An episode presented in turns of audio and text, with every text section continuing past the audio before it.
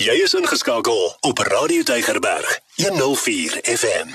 Dit is al weeslike tyd, né? Nee? Hierso by tekens van die tye en ons die profetiese woord en hier by Radio Tygerberg en wat 'n heerlike voorreg om met jou te kan gesels. Sommige regheid uit God se woord uit. En ja, ek en Marco het nie vergeet nie. Ons het baie goed onthou. Ons het vir jou laas gesê as ons weer met jou gaan praat, praat ons mos hier oor die profesie van Sagaria, die man wat 520 jaar 500 voor Christus geprofeteer het oor Christus se eerste en tweede koms. Is dit waar? Ja, dieselfde man weer profesie van en altyd is eerste intog van Christus in Jerusalem toe en die tweede intog van Christus in Jerusalem toe. En dit tussen twee gebeure daar moet wees ten minste 2000 jare. Net God wat alles weet, wat die toekoms ken. Wat my dink, daar's 'n teks in uh, Daniël hoofstuk 10 aan die einde wat sê die engel Gabriël sê vir Daniël ek gaan jou te kenne gee wat in die boek van die waarheid van die oorloof van die Here geskrywe is. En wat vir my so aangrypend is die engel Gabriël sê eintlik vir Daniël ek het gelees in een van God se boeke in die hemel die rekord weergawe en ek gaan nou vir jou iets vertel oor die koninkryke van die wêreld wat kom En dit is na die koninkryk van Medo-Persië kom Griekeland. En na Griekeland kom die Romeinse ryk. Nou as die engel Gabriël weet van koninkryke wat mekaar opvolg vooruit omdat te God se boeke staan. Hoekom kan die profeseë van die Bybel nie dieselfde beskou word oor Jesus Christus nie? God het geweet wanneer sy seun kom. God het geweet sy seun gaan die eerste keer kom. God het geweet die mens gaan hom verwerp en hom kruisig, maar hy het ook geweet hy gaan sy seun terugstuur. En daarom kon Sagaria deur die gees van die Here vir ons nie net die eerste koms nie, maar ook die tweede koms van die Messias bekend maak. En dit is wat ek en Marco vandag met jou oor wil praat. Is dat in die profeseë van Sagaria en ek dink jy het ook jou Bybel daar by Sagaria 14 oop, né? Nee? Ja, ja. Begin in die hele profesie om presies te wees begin van vers 4 tot vers 12 eintlik. Dit eintlik ons gaan nie die hele stuk lees, maar ehm um, die hele hoofstuk 14 is oor die tweede koms van Jesus en sy vrederyk. Het julle geweet, tweede koms van Jesus as hy kom tweede keer na Jerusalem toe, hy gaan hierdie keer beslis die koninkryk saambring. Heeltemal. Inteendeel die die opskrif sê by my Bybel, die eindstryd van die godstryd word met 'n heerlike oorwinning bekroon. Time of victory, 'n heerlike oorwinning vir die Messias want dit was die eerste keer om ontneem. So gaan jy vir ons lees? In 'n dag sal sy voete staan op die olyfberg wat voor Jerusalem lê in die ooste kant. En die olyfberg sal middeldeur gesplyt word van oos na wes tot 'n baie groot taal. En die een helfte van die berg sal wegwyk na die noorde en die ander helfte na die suide. En julle sal vlug in die dal van my berge want die dal van die berge sal loop tot by Asal en julle sal vlug soos julle gevlug het vir die aardbewing in die dae van Josia, die koning van Juda. Dan sal die Here, my God, kom. Al die heiliges met u. Sjoe, kan ek stop hier? Ek verwonder wie's daai heiliges wat kom saam met hom. OK, nou vers 6. En in die dag sal daar geen lig wees nie, die sterre sal duister wees. En dit sal 'n enige dag wees wat aan die Here bekend is, geen dag en geen nag nie, maar teen die aand sal dit lig word. En in die dag sal daar lewende waters uit Jerusalem uitvloei en die helfte daarvan na die oostelike en die ander helfte daarvan na die westelike see. Somer en winter sal dit so wees. Die Here sal koning wees oor die hele aarde en sy naam een. Yes. Die hele land sal soos die vlakte word van Geba tot by Rimon, suid van Jerusalem, maar Jerusalem self sal hoog wees en woon op sy plek. Van die poort van Benjamin af tot die plek van die vorige poort, tot by die hoekpoort en van die toring Hananiel tot by die paarskype van die koning. En julle sal daarin woon. En daar sal geen banvloek meer wees nie en Jerusalem sal in veilig woon. En dit is vir my so fantasties dat hierdie man hierdie geskryf 500 jare voor die eerste koms van Jesus. Yes. En na die 2000 jare genade era. Ja. En na dit nog 7 jaar se groot verdrukking en na dit hierdie sal gebeur. Alright. So so wat hy nie geweet het die profeet en nie een van die profete, nie Daniël, en nie Sagaria, nie Maleagi, en niemand het ooit geweet van die kerkera nie. Dit was 'n verborgenheid. In ander woorde, die tydperk wat uh, Marko nou net na verwys het, daai 2000 jaar plus. Net so min as wat hulle geweet het van die kerk van Jesus Christus, het hulle geweet ook hoe lank die tydperk gaan wees. So in jou Ou Testamentiese profeseë sal jy wanneer daar gepraat word oor die eerste en die tweede koms van die Messias, sal daar gepraat word asof alles aaneenlopend is. Jy sien nie die tydruimte, die bedeling, die opening die gaping of soos ons in goeie Afrikaans praat van die parentese die tussenvoegsel tussen tydperk dit weet die profeet nie hoekom mm. want God wou dit nie vir hom openbaar nie Ja, ja, ja, hulle het nie verstaan nie. Dit was 'n verborgenheid vir hulle. Ja, dan God wou dit nie vir hulle bekend maak nie, want onthou, die kerk is 'n Nuwe Testamentiese verborgenheid. En ek dink dit is net belangrik vir julle om te weet dat alhoewel die profeet praat van die eerste koms en hy praat van die koms van die Messias, weet hy nog minder van die van die kerk. Hy weet van die eerste en die tweede koms. Ja. Maar hy weet nie van die kerk nie. Ja, ja, ja. ja so hierdie tydperk wat ek nou in lewe wat ons twee nou met jou praat, daai tydperk en periode in wêreldgeskiedenis tussen die een wat gekom het op die esel ons het mos verlede week gesien hy het in Jerusalem ingery op die vul van 'n esel en 'n paar hoofstukke later maar hy gaan met sy voete staan op die olyfberg dis wat Marko nou net gelees het in hoofstuk 14 en die berg word in twee middeldeur gesplit en wat interessant is nogal is met die split van die berg die feit dat die een deel gaan van oos na wes tot 'n groot dal en die een helfte van noord na suid. Ander woorde die Olyfberg word in twee geskeur, maar ook die hele land, dat die water van die Middellandse See vloei deur tot in die Dooie See. So die Dooie See word weer lewendig. Daar kom mm. vis in die dooie see, want die 1000 jaar vrederyk kom nou aan, want ek dink eh, Marko het tussen lyne verwys verlede week toe hy gesê het my kom vir sy vredesryk, hy kom vir sy koninkryk, want ek bedoel ek meen let's be honest about it wat ons nou net hier gelees het wat Marko nou net vir jou gelees het is waar Jesus kom as koning van die konings om as 'n koning te kom regeer in hierdie wêreld wat hy die eerste keer ontneem was omdat hulle hom gekruisig het. So daar's nie nou sprake van teenstand nie. Wanneer Jesus terugkom, gaan hy die anti-kris magte verslaan. Hy gaan die slag by Armageddon wen en hy gaan met sy heiliges kom en die land gaan herskep word en Jesus gaan in Jerusalem kom woon. Ek dink die die hart van hierdie saak wat hier vir ons gesê word is wanneer die koning wat gekruisig is terugkeer, kom hy om op hierdie aarde te regeer. Messias is nie net 'n oorlog nie. Dis baie meer as dit. Dit is om die aarde te herskep. Dit is om 'n 1000 jaar vrederyk daar te stel. Dit is om as koning in Jerusalem te sit hmm. en dit is om te regeer vir 'n 1000 jaar. En so hierdie profesie van Sagaria, hy begin reeds sekere van die dinge vir ons vertel. Ja ja ja. En, en eintlik, miskien daar daar's twee stukke uit die Bybel wat ek dink is baie belangrik in die lig van wat ons het gelees. Een is uh, in Handelinge hoofstuk 1 uh, vers 4 en 5 ek dink waar die engele sê vir die vir die Galileese manne wat kyk julle hemel toe so? Die hierdie Jesus wat julle gesien nou uh, van julle weggeneem aan uh, hemel toe, hy sal op dieselfde manier terugkom.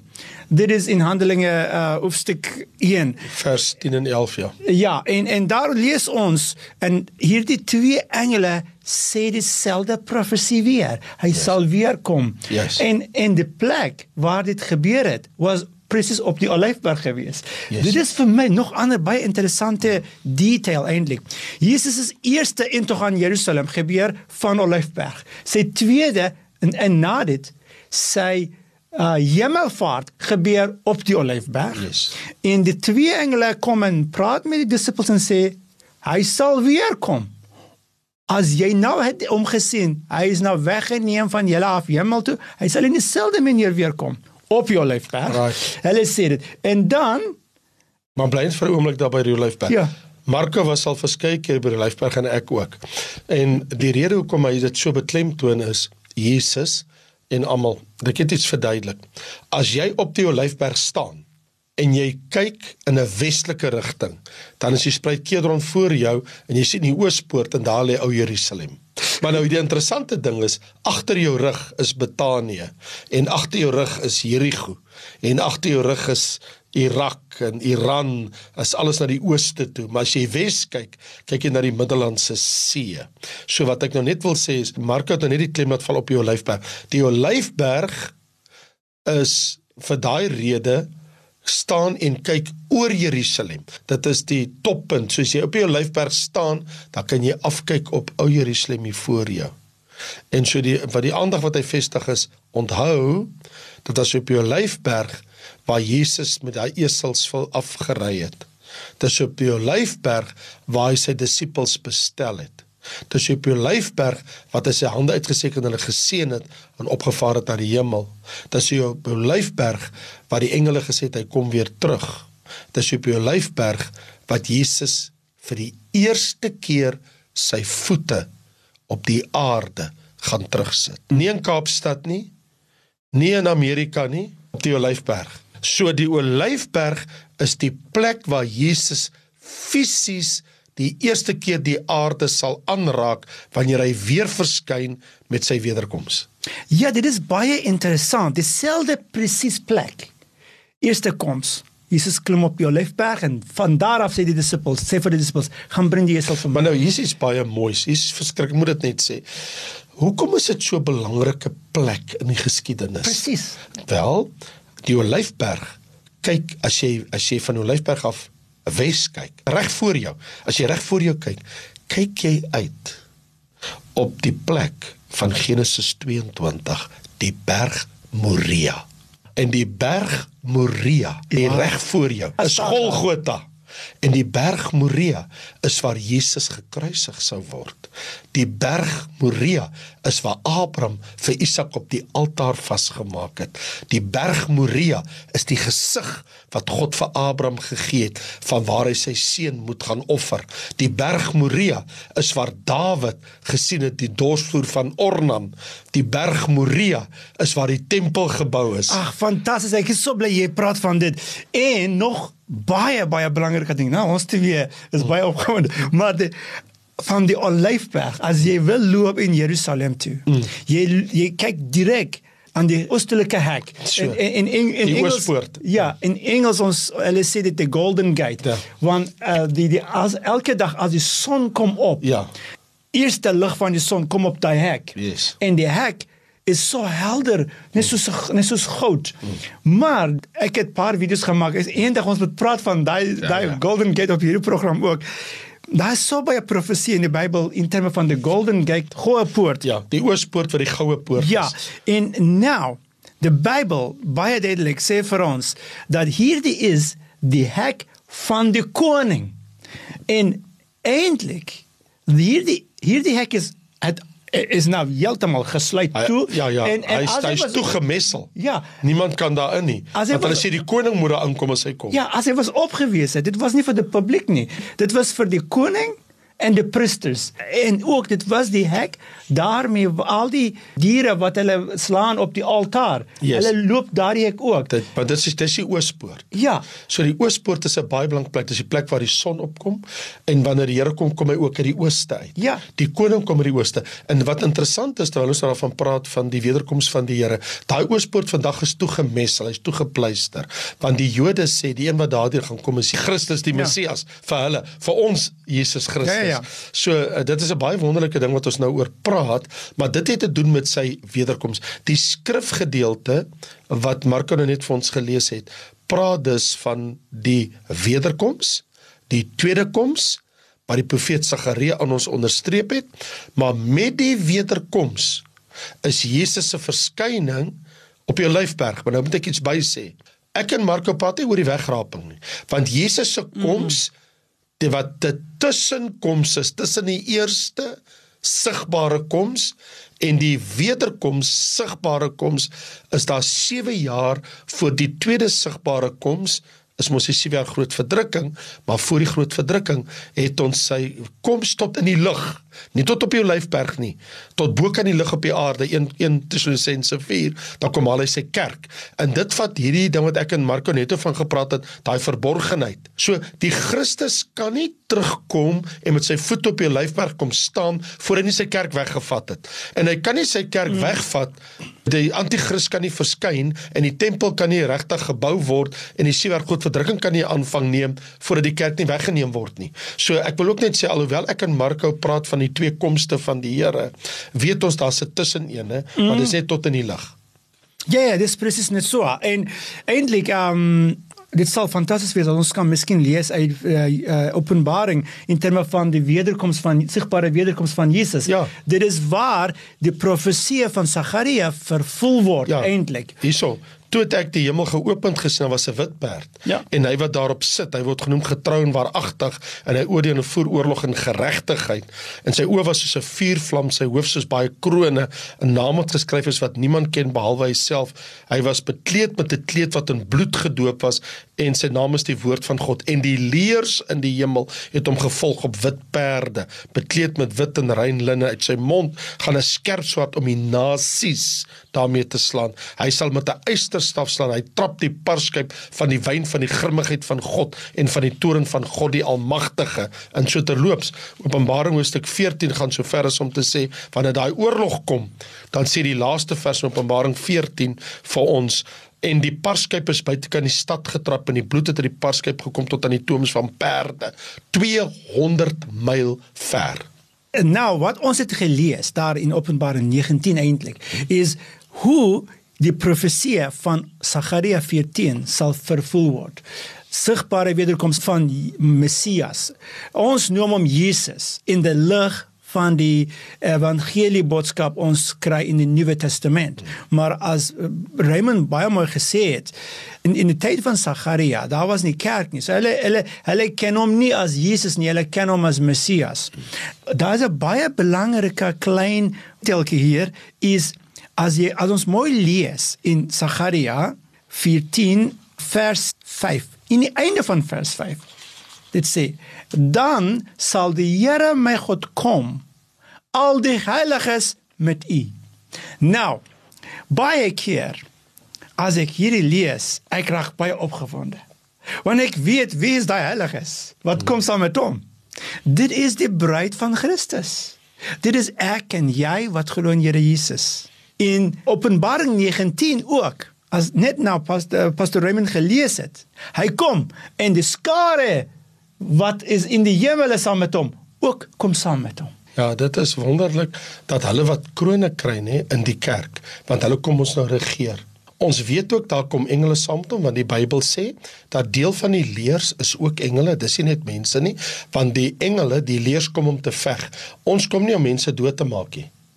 Ons raak nie betrokke in 'n oorlog en vir en maak mense dood dat hulle bloed loop. As jy daaroor dink, baie van die leers wat saam met Christus kom, hulle kom om oorlog te voer saam ja. met hom. Nou ons kom nie om mense dood te maak by Armageddon nie. Ja, ons is ons is nie daar om mense dood te maak nie, maar wat wel daar staan as die Bybel sê en hy kom met sy leers een van die groepe van die lees is sy engele wat saam met hom kom vir die oorlog, maar dan is daar ook ons, die kerk wat kom, maar ons kom saam met hom te regeer, nie om te kom oorlog voer nie. Ons ja. kom nie doodmaak nie.